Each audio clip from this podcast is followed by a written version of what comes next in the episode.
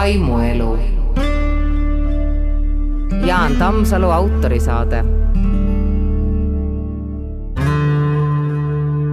alanud on saade Vaimu elu stuudios Jaan Tammsalu, mina olen Bianca Mikovits. Jaan, kuidas sul on ootamatutele sündmustele reageerimisega? oleneb ootamatusest, mõnele reageerin üsna, üsna kiiresti ja ja teisele ei oska üldse reageerida, nii et äh, kuidas kunagi. aga kui saad puuga pähe kui saan puuga pähe, siis oleneb, kui tugevalt saanud olen, et äh, täna siia stuudiosse tulles sain sain ka millegagi pähe ja, ja eks me siis nüüd kuule, missugune saade sellest tuleb. verd jooksis korralikult. aitäh sulle tõkke, tõkkepuuga obaduse aga elu on selline, asjad, mida me ei taha, tabavad meid, asjad, mida me tahame, ei taba meid siis, kui vähemalt meie tahaksime kõike ei saa ise otsustada, aga mõnda asja saab. mõned plaanid me saame ikkagi ise teha. on küll nii, jah. täiesti sinuga nõus ja ja imetlen ikka ja jälle neid inimesi, kes ütlevad, et nemad hakkavad midagi tegema siis, kui nad pensionile jäävad, sest ma tean nii paljusid inimesi, kes pensionile jäädes, jäädes ütlevad, et nad ei jõua enam mitte midagi tehtud, kogu aeg on kiire. või selline... on tervis halb. olen ka seda kuulnud, et Just. kõik need äh, pensionisse lükatud uhked plaanid jäävad realiseerimata, sellepärast et ei ole enam seda tervist ega hoogu ega tahtmistki mitte mulle väga meeldivad inimesed, ka sellised inimesed, kes on juba lahkunud, aga kelle kohta paljud ütlevad, et ta elas oma elu nii, et mitte midagi ei jäänud tegemata ja ta oskas õigeid asju õiges järjekorras äh, nagu teha või asju õiges järjekorras teha, et et kunagi ma mäletan seda katset, kui pandi suured kivid, väiksed kivid, killustik ja liiv,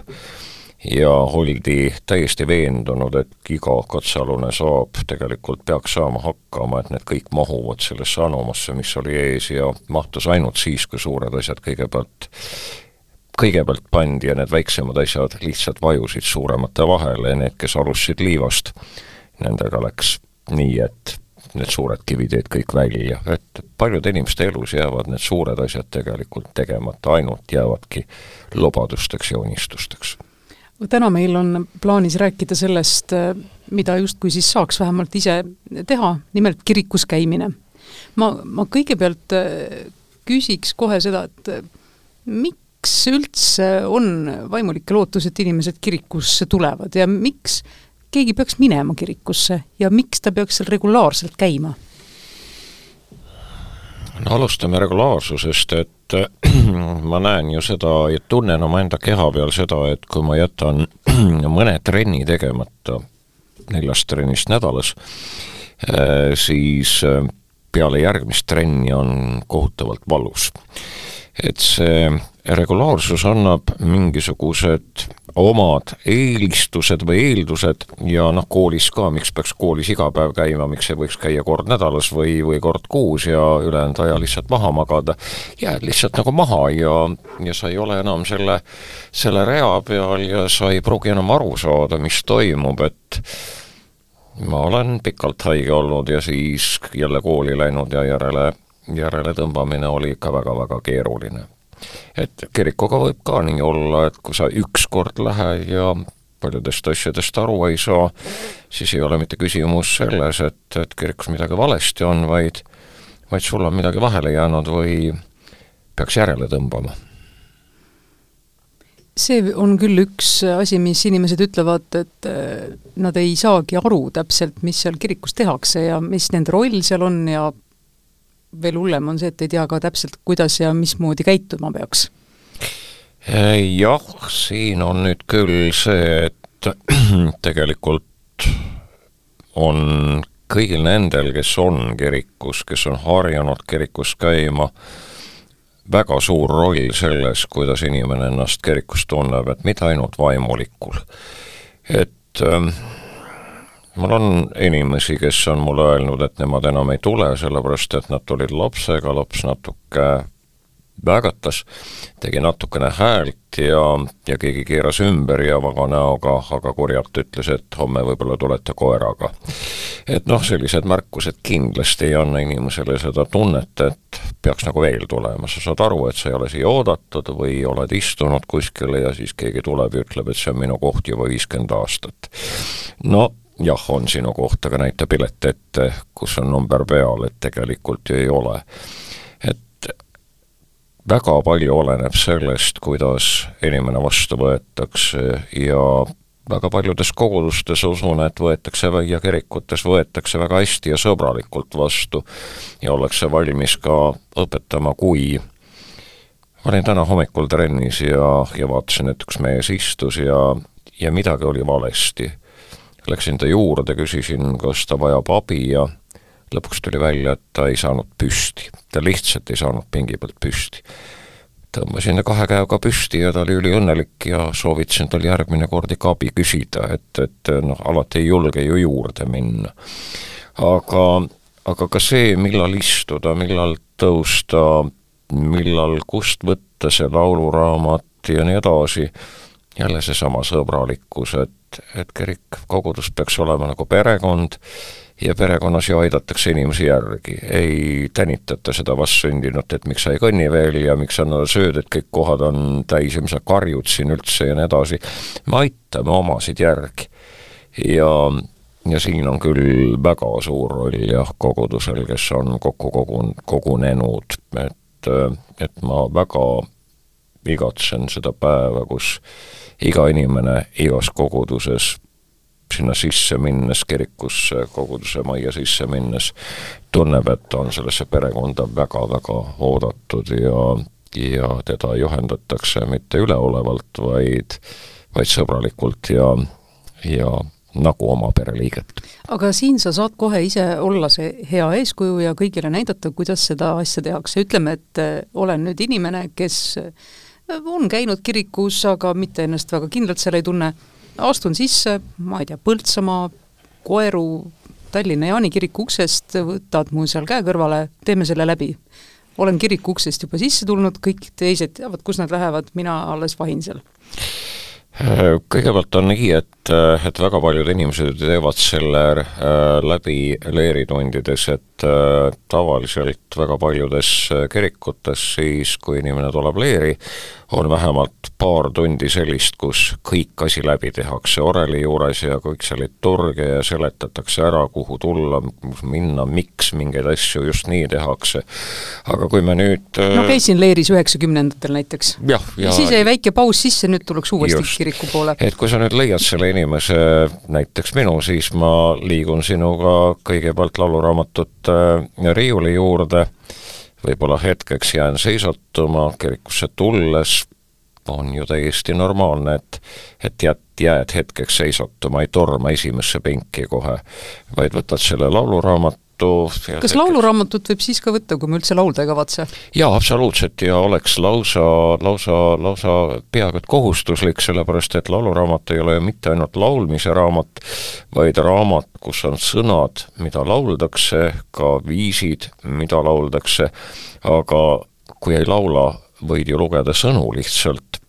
ja äh, siin Marek Sadamal ikka eelmises saates ta ei laulnud ühtegi oma laulu, luges oma laulude sõnu lihtsalt. ja me võime ka kirikus teha ja teine asi on see, et tavaliselt on lauluraamatu vahel üks selline vihik, mis on jumalateenistuse korravihik ja seal on asjad kirjas, millal tõusta, millal istuda, millal on üks või teine asi parasjagu, millal on apostlik usutunnistus, millal on meie isa palve, need tekstid on olemas, need viisi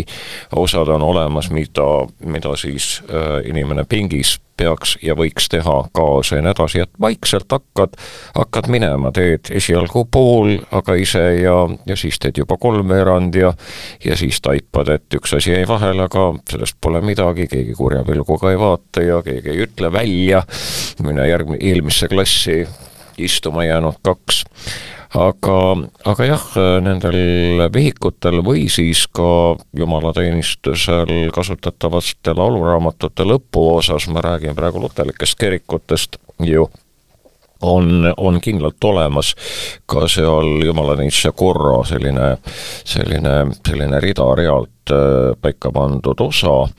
Ja seda tasub jälgida, aga see on jälle, see on, see on seal taga ja omal ajal, kui seda uut lauluraamatut välja anti, läks, lõpuots läks nii kiireks, et et äh, unustati numbrid järjest panna, nii et lauluraamatu osa tuleb äh, lehekülge numbritega, siis hakkab mingisugune B1 ja B2 ja nii edasi, seal on jälle vaja kedagi, kes kõrvalt natuke aitaks, aitaks sul seda raamatut lehitseda. ja pealekauba lauluraamat raamatu lehed on nii õhukesed, et ma mäletan ühte väikest laulatust, kus ei tahetud laululehte, vaid tahetigi, et on lauluraamatuga. ja Pegmes, kui ma ütlesin, et me laulame selle laulu, hakkas mingeid nägusid tegema, liigutusi tegema, läksin ta juurde ja ta ütles, et meil ei ole seda. no mida ei ole, seda laulu ei ole, mida ma ütlesin. no ma enam-vähem taipasin ära, millega on tegemist, andsin oma lauluraamatu, kus oli juba õige koht lahti võetud ja võtsin, oli küll no,. Järg, järgmine kord jälle, aga nad on nii õhukesed ja käed ju värisevad, kui sa seda naist võtma lähed, eks ole, seal altari ees sa oled ärevuses. ja täpselt samuti võib ärevuses olla ka üks inimene, kes tuleb esimest korda kirikusse jumalateenistusel, teised tõusid, sa ei saa aru, miks tõusid, teised istusid, sa ei saa aru, aga keegi võiks ju näidata, et seal on kirjas, kogudus tõuseb, kogudus istub. nüüd üldprintsiibid on nii, et, et et tõustakse siis, kui loetakse või tsiteeritakse, osundatakse pühakirja, kui õpetaja ütleb, et me kuuleme nüüd, osades kirikutes nüüd uue liturgia järgi on see, et Vana Testamendi ajal ikkagi istutakse ja Uue Testamendi ajal seistakse vanasti, siis kirjakohtade osundamisel alati tõusti, näiteks jutluse eel, õpetaja ütleb, me kuuleme Johannese evangeeliumist, inimesed tõusevad, see on Jumala sõna. Palve ajal tavaliselt seistakse tavaliselt seistakse, vanasti olid põlvituspingid, need on ju praegu ka natuke olemas, aga katsu sinna vahele, sa ei saa sealt vahelt enam püsti, need pinkide vahed on nii kitsad ja, ja need on rohkem jalgade panekuks, mitte põlvede panekuks, need uued. ja need kohad, kus õpetaja seletab pühakirja, jutlustab kakskümmend minutit jutti, no loomulikult ei seista, istutakse et palve ajal, kui inimene kõneleb Jumalaga, kui loetakse pühakirja, jumal kõneleb inimesega, siis inimene on püsti, nagu presidendi tulekul, eks ole. ja, ja, ja ülejäänud aegadel jah, sellistel, kui seletatakse asju, räägitakse teateid ja nii edasi, sel ajal istutakse. lutelikus kirikus on väga palju istumist, veel rohkem on Soome lutelikus kirikus, seal nad peaaegu ei seisagi, ma ei tea, kas sellepärast, et keskmine vanus on vanem või, aga vaevalt küll, lihtsalt mugavaks laetud asi. aga aga laulude numbritega on ju niisugune asi, et äh, vanasti oli üks põhiküsimus, kui jälle inimesed kirikusse tulid, et mis numbrid seal üleval on, et kas on mingisugune horoskoobi värk või et millal külvata künda või midagi taolist, aga siis ei saa sellest ka aru, miks numbritega. ja need on lauluraamatu numbrid, et millist laulu lauldakse ja kui on näiteks kolmsada nelikümmend kolm, üks ja kolm, siis on esimesest kolmanda salmini ja kui alumises reas on paremas reas neli, siis selles sama, ja vasakus midagi ei ole, siis sellest samast laulust lauldakse peale jutust neljas salm ka. nii et vasakpoolne rida on laulude numbrid, parempoolne rida on salmide numbrid. ühesõnaga, väike selline manuaal on sul olemas seal taga ja ja, ja kui sa tead ka, et lauluraamatu tahvlil on need numbrid olemas, aga miks seal, neid tahvleid on ju palju et igaüks omalt kohalt näeks, et ei tekiks sellist lugu, et õpetaja tuleb, et noh, me laulame nüüd täna selle ja me teeme seda, see rikub selle terviku ära. see on seal, pilk sinna, vaatad, number on seal, salmid seal ja võtad selle ja laulad. organist annab ja kohe ei maksa laulma hakata, sest organist tavaliselt teeb eelmängu. et kui hakkad kohe laulma, siis oled juba poole peal, kui teised alles hakkavad. mina näiteks RAM-i noortekooris võeti vastu, vene laul ütles, et lootust on teab pass. aga siis ühe koha peal, kui kõik teised vaikisid, mina laulsin rongilaulu edasi suures saalis, mul hakkas nii häbi, ma teist korda enam ei läinudki nii et, äh, et mitte tekitada endale probleeme, siis tasub vaadata, mida teised teevad ja ma olen alati öelnud seda inimestele, kes esmakordselt tulevad või on tulemas, et istuge veidi tahapoole, mitte et te ei ole tähtsad, te võite rahulikult ka esimesse penki istuda, need ei ole seal ei ole tavaliselt inimesi. aga just sellepärast, et sa näed, et ees olevad tõusevad et see asi ei ole vaja, seda, seda ei ole vaja sealt manuaalist vaadata, vaid sa näed, inimesed tõusevad, tõused sina ka. kui õpetaja läheb altarisse, ära sina järgi mine, et see on, õpetaja tegevus on natuke teistsugune kui koguduse tegevus. ja, ja jumalateenistuseks tuleb leida aega, et näiteks Tallinna Jaani kiriku viimase pühapäeva jumalateenistus, kus jutlustasin, läks koos meeskooriga tund ja nelikümmend viis minutit, et see on see selline tegelikult on natukese pikem tavalisest keskmisest, eks ole? jah, Jaanis on pikem, sest Jaanis on pihikõne ja Jaanis on ka jutlus ja Jaanis on alati või üsna sageli olnud või läbi aegade olnud tegelikult jutlused pikad, põhjalikult ette valmistatud, see on selline kirik, kuhu tullakse jutluseid kuulama, läbi aegade on tuldud ja, ja tundub, et ka praegu. inimesed teavad, et see on nii aga ma olen käinud teatrietendustel, mis kestavad neli ja pool tundi ja, ja kolm tundi oli viimati üks etendus jälle, et, et see on ju, see on ju täitsa okei okay,, et pühapäeval võtad selle aja, kui sa oled juba tulnud ja ma mäletan oma esimesi kordi Valjala kirikus, kus ma sain nii, et tolmas, et üks naine tuli ja ütles mulle, et et ma tulen Soome kil-, kelguga viisteist kilomeetrit, ma lähen viisteist kilomeetrit kuule, räägi natuke pikemalt, ära tee nii kiirelt neid asju ära, ma olen selleks kirikusse tulnud. et siin on kaks erinevat suhtumist, üks on nende suhtumine, kes tavaliselt ei käi ja ütleb, et, ütlevad, et liiga pikad on, ja siis nende suhtumine, kes käivad ja, ja saavad hakkama nii et ei ole probleemi. ja mis on veel hästi oluline, et üks koht, kus tavaliselt suur hulk inimesi läheb altari ette, läheb armulauale, siis kui sa ei ole ristitud, kui sa ei tea armulaua tähendust, siis mm, armulauale võib minna, aga mitte armulauda vastu võtta, vaid pane oma käsi oma südame kohale, küllap enam-vähem tead, kus see on, ja õpetaja sellest liigutusest näeb, et ta ei hakka sulle armulauda jagama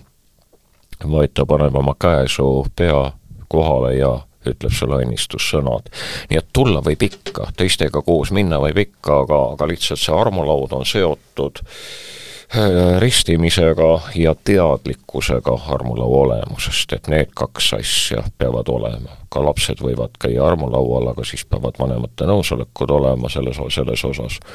aga siis tavaliselt ka jagatakse neile vaid leiba, et luterlikus kirikus karikast neile ei jagata. vaimuelu räägime mõne sõnaga sellest ka, et inimesed ju mitte ei käi kirikutes ainult jumalateenistustel, vaid käivad ka niisama uudistamas, astuvad sisse, vaatavad ringi, see on ka ju noh, välisriike külastades üks väga sage ettevõtmine, et minnakse ühte või teise tuntud, tundmatusse lihtsalt kirikusse vaatama, et kuidas siis neil on või, või ka mõnda konkreetset huvitavat äh, pühakoda. näiteks luterlikes kirikutes, mis on need kohad, äh, kuhu inimesed ei peaks püüdma äh, sisse minna või, või astuma? Peaasjalikult need avatud kohad, neid on kaks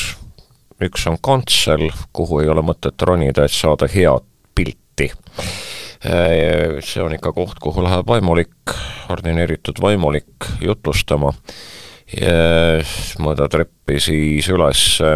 Ja üleval on ju vaimulikud mitte sellepärast, et olla teiste pea kohal ja näidata, et ma olen sinust kõvasti üle milleski, vaid selleks, et oleks kuuldav ja nähtav, eks ole, kogu kirikutäie rahvale. Vanasti ei olnud ka mikrofone, siis need kõlakastid seal üleval, võiks siis öelda nagu, nagu nagu häält edasi andmas, kandmas ja nii edasi. ja teine koht, kuhu kindlasti ei minda, kuhu ei peaks minema ükski inimene, kes ei ole vaimulik või ei ole siis kuidagi seotud selle kirikuga nii, et et on kas kirikuteenija, kes paneb siis küünlad põlema ja nii edasi, äh, see on altar. altari selline altarivõre siis kooriruumis äh, idapoolses küljes kirikus on altar alati tavaliselt idas ja peauks läänes, nii et inimene tuleb sealt, kus, kuhu päike loojub ja, ja liigub sinnapoole, kust päike tõuseb, on vaatega sinnapoole jumalateenistuse ajal et kui sa näed kuskil kirikut, siis ilmakaared on, on üsna ilmeksimatult sul paigas, et altar, altar siis ida poole ja, ja peauks lääne poole.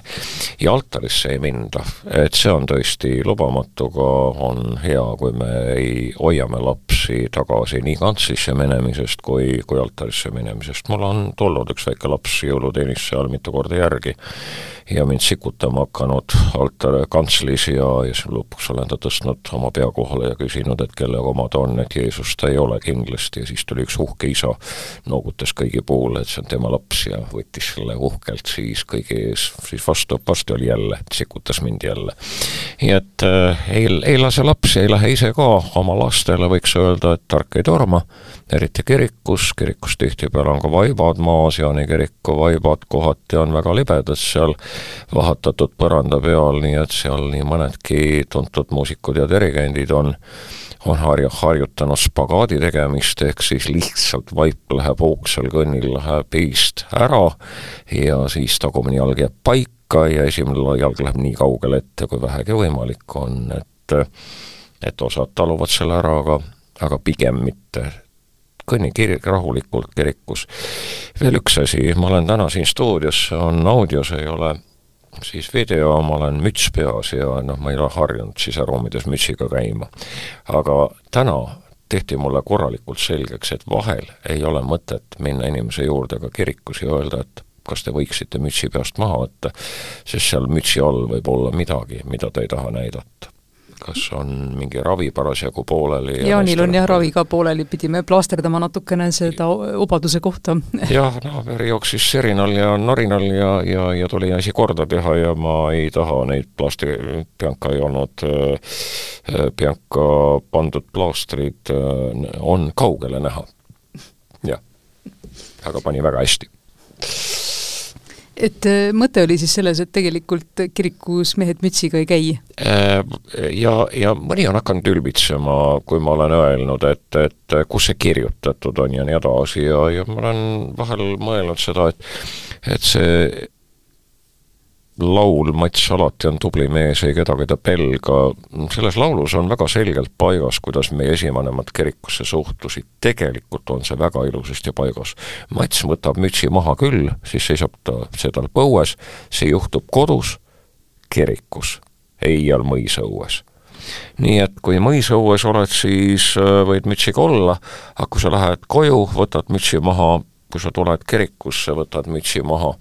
ja see on austus nende teiste inimeste vastu, kes seal on ja see on Jumala koda, püha koda ja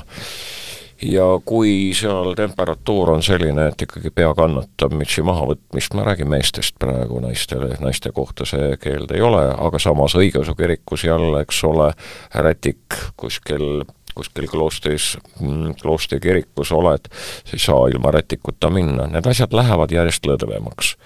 aga näiteks mul on ka kogemus, kus ma läksin meestega Patmosele, tegime ühe laevareisi, ma ütlesin enne laevareisile minekut meestele, et pikad püksid jalga, hommikul vara kella neljast jõudsime Patmosele, siis läksime ööbima ja nii edasi, no külm oli hommikul. Nad olid ikka lollikesed lühikestes pükstes. ja siis me läksime kirikusse. Ja siis tuli parasjagu mingi patriarh või keegi tuli sinna, naised peksid need lühikestest pükstest tähtsad mehed sealt kirikust välja, olid noruspäi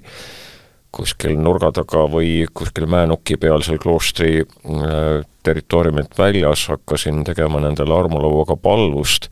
olid mul nii norus kui norus ja äkki vaatan teise kaljunuki peal on eesel ja teeb jaa.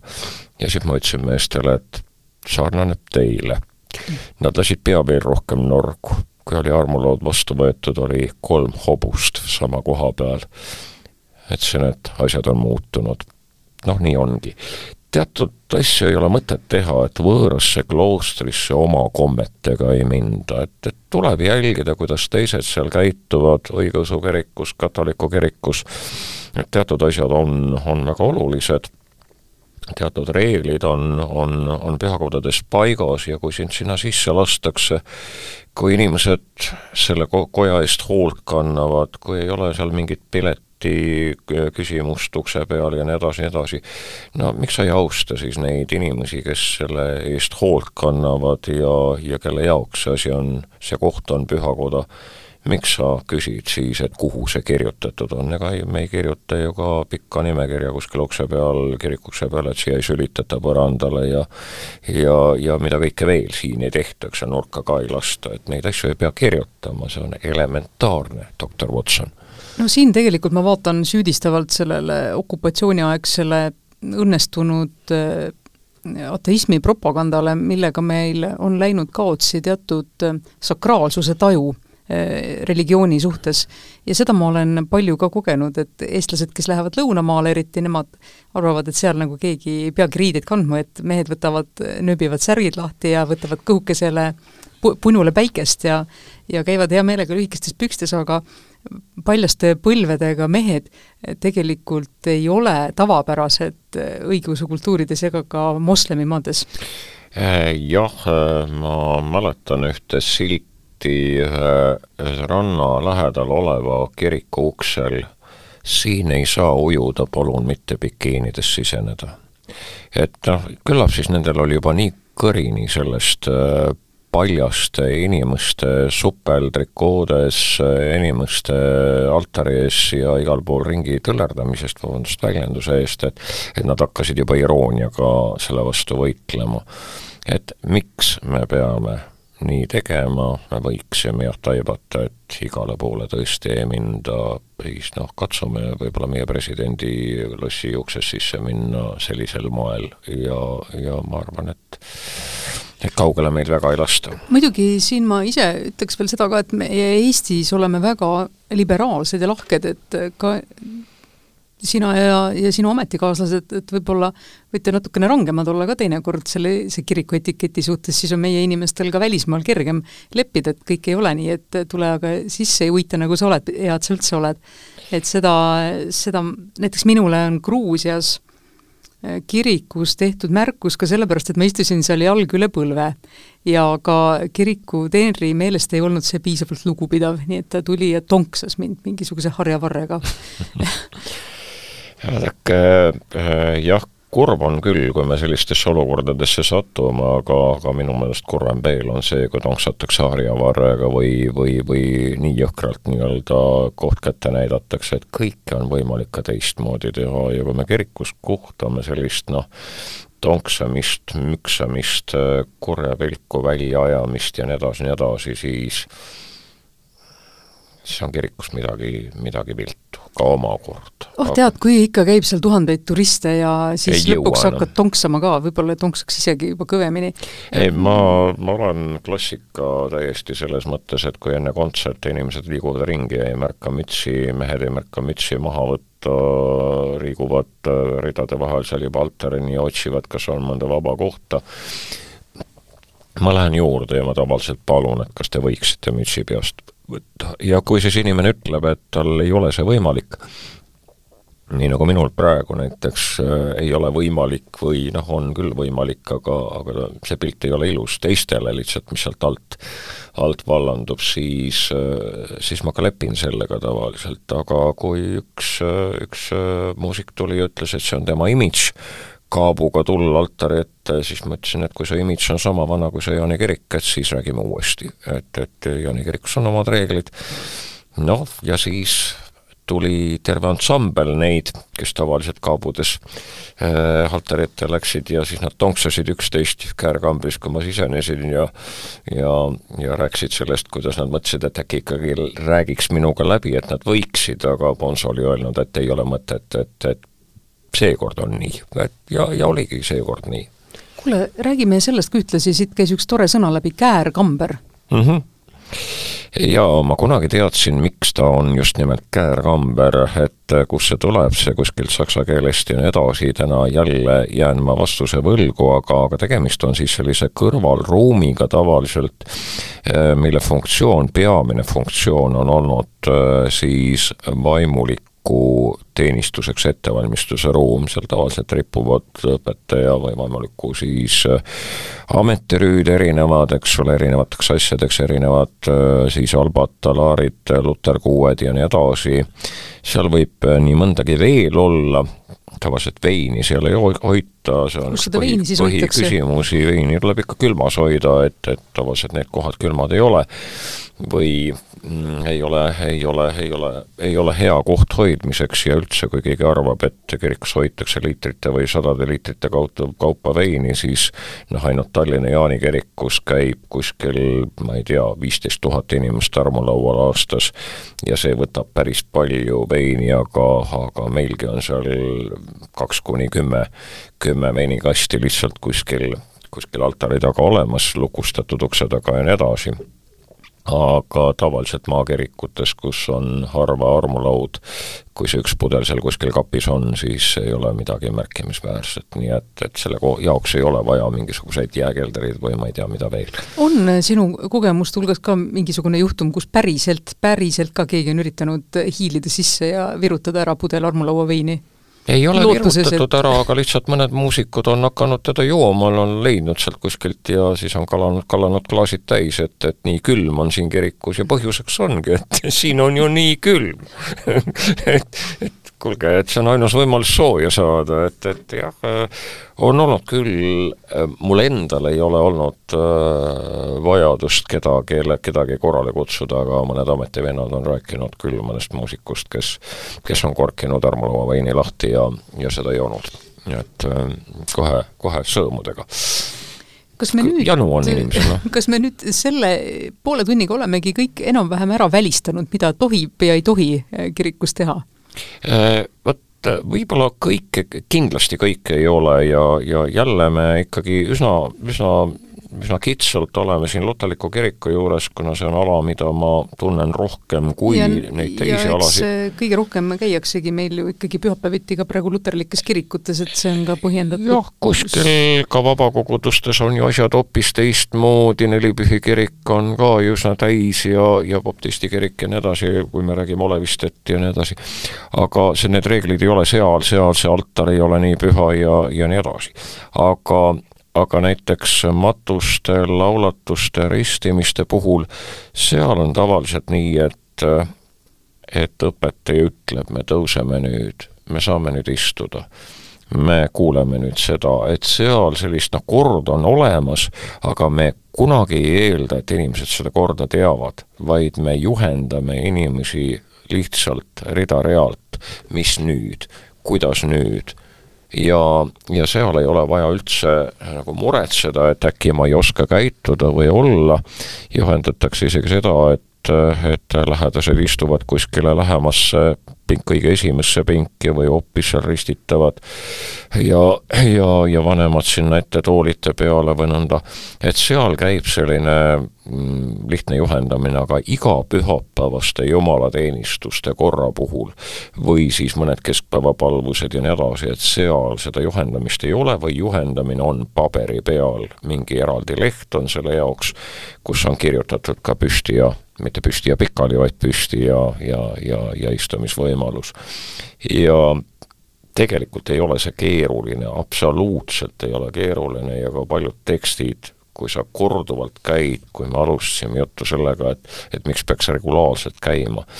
vot selle regulaarselt käimisega on veel üks hästi oluline lugu. Sa hakkad ennast koduselt tundma, sa lihtsalt tead, sa ei pea enam vaatama, vaatama, sa ei pea enam uurima, kas tõusta või istuda, sa ei pea enam kuskilt lugema seda apostlikku usutunnistust või meie isa palvet maha. Need on sul lihtsalt peas kolmekümne, kuuekümne, kaheksakümne korraga ja, ja, ja see on see on nagu tippsportlaste juures ka, nad teatud liigutusi teevad täiesti mehaaniliselt ja, ja see mängu ilu iluuisutamises või kuskil ei tule ju esimesel korral, me ei taha minna vaatama kedagi, kes esimest korda uiskudele läks, eks ole. aga see, kes on juba tuhandeid kordi käinud, harjutanud ja nii edasi, ta teeb neid asju nii galantselt, ja meil on endal mõnus olla, kui me teame, kuidas asi käib, me hoiame nagu kalad vees. selles liturgias, selles jumalateenistuses, me saame sealt järjest enam ja enam osa, sest teatud asjad võtavad pinged maha, kui nad on selgeks saanud. lihtsalt meil ei ole seda pinget enam, et äkki me teeme midagi valesti. ei ole, ei, ei, ei tee valesti, hästi teed. ma äh, kunagi rääkisin ühe õigeusu vaimuliku tema abikaasaga ja ütlesin, et noh, et mul natuke on keerukas siin õigeusu kirikus täpselt teada, millal, millal tõusta, millal istuda, ja vaimuliku abikaasa ütles väga armsalt, et oh, see on üsna lihtne, kui äh, vaimulik ütleb, et nüüd tõuske püsti, siis sa saad aru, et sa oled siiamaani asjata püsti seisnud nojah, see on see, nagu ma vahetevahel kontsertide eel ütlen, et, et vaadake, et ei unusta siis mobiiltelefoni sisse lülitada, kui teenistus on lõppenud või kui kontsert on lõppenud, et sa võid ka just sedapidi neid asju. ja mul tuleb meelde, et siin hiljuti rääkisin Rootsi Mihkli kiriku vaimulike Patrik Jörnsoni ja Tõnis Karguga ja nemad ütlesid, et nendel oli üks jumalateenistus Naissaare kabelis, kus ei ole kütet. Pole kunagi olnudki ja siis oli niivõrd külm, äh, miinus kakskümmend kraadi, oli väljas ja sees oli äh, umbes sama, et siis nad tegid erandi ja palusid kõigil mütsid pähe jätta selle, et saaks jumalateenistus üldse läbi viia. ja suurtes aurupilvedes see siis nii, niimoodi tookord ka läks. minu meelest on ka hästi oluline see, ma hiljuti tegin üht loodussõna õhtut äh, Tallinna Jaani kirikus Heli Jürgensoniga, kes on järgmiste laulupidude nii kirikliku kui, kui ka siis üldlaulupeo üldjuht ja ja, ja ta meenutas ka oma kogemusi erinevatest äh, kirikutest, ka seda, kuidas on, kuidas nad on ka mingi tormise kavaga kuskil Hispaania katoliku kirikus äh, siis esinenud nii, et kuldne krutsifiks kõikus altari peal, aga öeldigi, et see lihtsalt siin toimub ja, ja kõik on, kõik on hästi. Mu meelest on hästi oluline see, et me oleksime paindlikud ja samas, et me seda kiriku pühadust kuidagi noh, ei naeruvääristaks või ei võtaks liiga kergelt, et ma mõtlen üha ja üha, et miski peab olema püha, on üks Eesti luuletaja öelnud. ja ega me ju väga ei taha ka, et see kirik kultuurimajaks muutuks või rahvamajaks muutuks, mul ei ole rahva- ja kultuurimajade vastu mitte üks teps, aga, aga nii nagu kunagi üks äh, rokimuusikafestivali korraldaja mulle helistas ja küsis, kas oleks võimalik ühte kontserti teha, teha Jaani kiriku altari ees ja kui ma siis repertuaari kuulsin, et mida nad laulma hakkavad ja sain aru, et see on täiesti mittekiriklik kava, et noh, see, see lihtsalt ei sobi sinna, see ei ole üldse õige koht, siis ma soovitasin neil äh, Viljandi haigla operatsiooniplokis selle teha hoopis ja küsida, kas keegi annab loa ja siis ta imestas, et miks ma seda võrdlen, aga ma ütlesin, et homme tuleb seal operatsiooni teha, aga mul tuleb homme jumalateenistust teha, armulauda jagada inimestele, võib-olla sinu vanaema matta siin ja nii edasi, et, et jätame selle koha ikkagi eriliseks kohaks. nii et sa tuled siia sisse ja sa tunned, et see on üks tõeliselt eriline paik. nii nagu üks nonnakloostri koori äh, dirigent või Munga kloostri kooridirigent äh, ütles mulle, et, et see on imeline paik, see Tallinna Jaani kirik esimesest noodist alates me tundsime, nagu olek-, me oleksime Jumala peopesal ja ma ütlesin, et siin on hästi palju palvetatud. see kirik on olnud selleks ainult ja ainult selleks kasutatud. ja see on ka see põhjus, miks ma osade kontsertide puhul ütlen, et palun ärge tulge. selle kavaga palun ärge tulge. seda ei ole vaja võtke mõni kallim ruum, soe ruum, aga kirik jäägu kirikuks. mõtisklus. Vana-testamendi laulik ütleb, suure helduse tõttu ma tulen su kotta, kummardan su püha templi poole sinu pelguses, issand, juhata mind oma õigluses. laulik ütleb, et ta läheb issanda kotta issanda suurest heldusest. on aegu, mil teda hoiti pühakojast eemal, mil need, kes püüdsid teda hävitada, varitsesid teda isegi pühakoja teel. ja tema teab, et pühakotta tulemise võimalus on issanda suur heldus. see polegi midagi enesestmõistetavat. mäletan filmi Patukahetsus selle filmi lõpus, kui kõik õudus on juba ära näidatud, mida inimene ja üks süsteem võib inimestega teha, selle filmi lõpus tuleb üks naine, kes on palveränduri moodi ja keegi teine naine on akna peal ja see palverändur küsib sellel akna, sellelt akna peal olevalt naiselt, kas see tee viib pühakotta. saab vastuseks, et ei vii. Need, kes teavad, kus see on Gruusias filmitud, on mulle öelnud, et selle tee lõpus oligi vanasti pühakoda, aga see lasti õhku. selle koha peal on see filmitud ja, ja naine ütleb, et see tee ei vii pühakotta palverändur mõtleb natuke ja ütleb, milleks tee, kui see pühakotta ei vii. Jeesuse kohta on öeldud, et tema läks hingamispäeval harjumust mööda pühakotta. tema teadis, et kõik ei olnud seal pühakojas hästi. Polnud nii, nagu peaks olema ühes pühakojas, kuid, kuid tema läks sinna ikka ja jälle juba siis, kui ta oli vaid kaheteistaastane ja tema vanemad teda peale pühakojas käimist kolmel päeval südamevaluga kõikjalt olid otsinud, imestas tema ja ütles neile, miks te siis olete mind otsinud? kas te ei teadnud, et ma pean olema neis paigus, mis on minu isa päralt? pühakoda on paik, mis on Jumala isa päralt miks minna pühakotta? Jeesus ütles, et pühakoda on tema isa päralt ja seepärast tahab ta seal olla, sinna tulla. ja ta tuli oma isa kotta. Laulikul on sellele, miks tema tuleb pühakotta psalmides palju vastuseid. selles psalmis palub ta pühakojas issandalt juhatust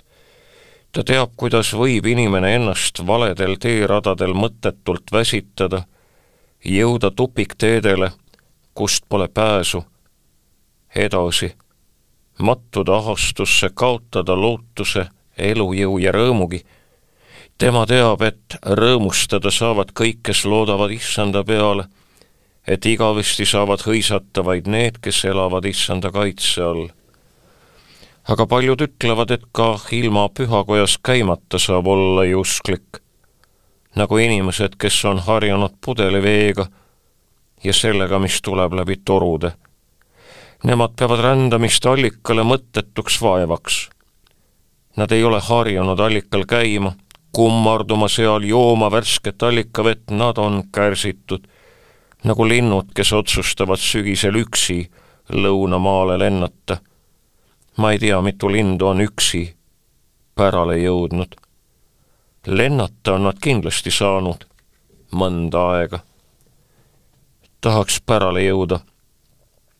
tahaks rännata eluteel, kogeda Jumala juhtimist, elada elu, millel on mõte ja milles on igavik. Imeline igavik. see algab pühakojast. seal on elu allikas, seal jagatakse elu leiba